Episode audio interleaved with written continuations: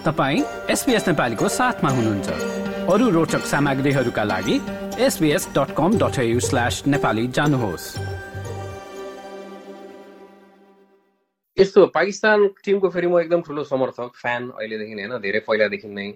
अनि त्यसपछि मैले चाहिँ पाकिस्तान टिमलाई चाहिँ क्लोजली एनालाइसिस गरिरहेको हुन्छु कि जस्तै हाम्रो सब कन्टिनेन्टको टिमहरूलाई चाहिँ क्लोजली एनालाइसिस गरिरहेको हुन्छु।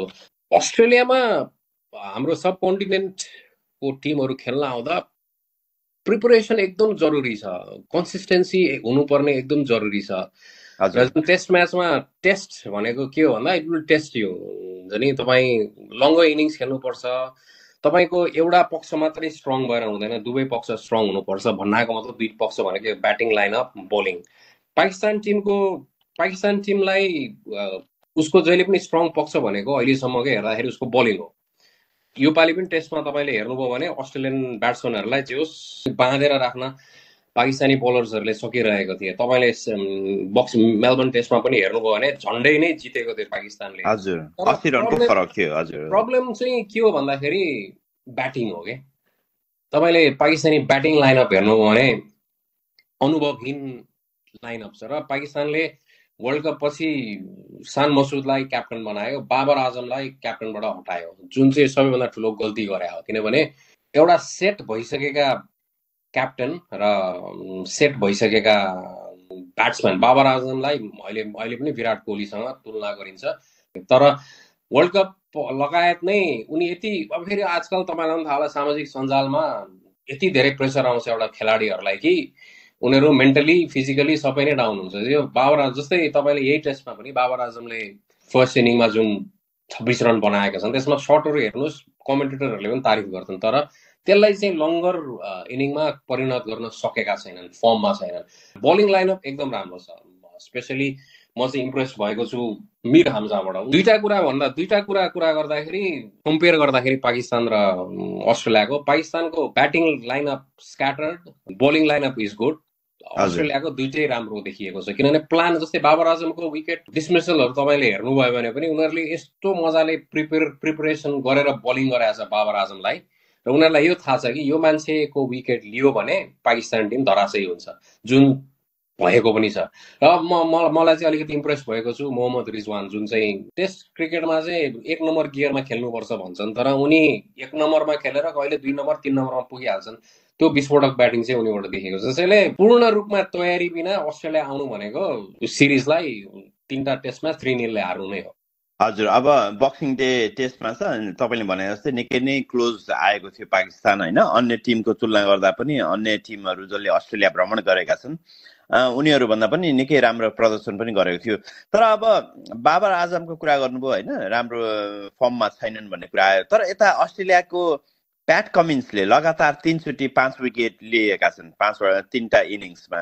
उनको बलिङलाई तपाईँ कसरी दाँच्नुहुन्छ तपाईँ अहिले उनी वर्ल्डका नम्बर वान बलर हुन्। एउटा राम्रो राम्रो कुरा मलाई के लाग्छ भने कुनै पनि बलर कुनै पनि टिमको क्याप्टन भएर यतिको सक्सेसफुल मैले देखेको छैन कि। जस्तै प्याट कमिङ्सकै क्याप्टनसीमा फिफ्टी ओभर्सको वर्ल्ड कप जित्यो। अस्ट्रेलियाले टेस्ट च्याम्पियनसिप पनि जित्यो।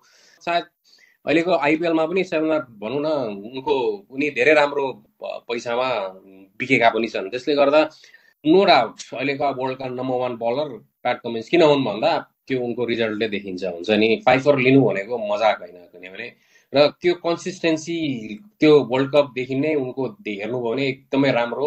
र प्रेसर बिना उनले क्याप्टेन्सी पनि गरिरहेका छन्। एउटा बलरलाई जस्तै हुन्छ नि कुनै पनि वर्ल्डका टप ब्याट्सम्यानलाई क्याप्टन बनाइदिनु भने उनी प्रेसरमा पर्छन्। कुनै पनि टप बलरलाई क्याप्टन बनाइदिनु भने उनले त्यो त्यो प्लेयरले आफ्नो बोलिङमा भन्दा पनि उसको फोकस अरूतिर जान्छ। क्याप्टेन्सी कसरी के कता यताउति गर्ने। तर यो चाहिँ कन्सिस्टेन्सी देखिएको छ प्याट कमिन्समा नो डाउट एकदमै राम्रो खेलाडी एकदमै राम्रो बलर त्यसैले अहिलेका नम्बर वान बलर त्यसैले त्यसैले नै भएका होलान्।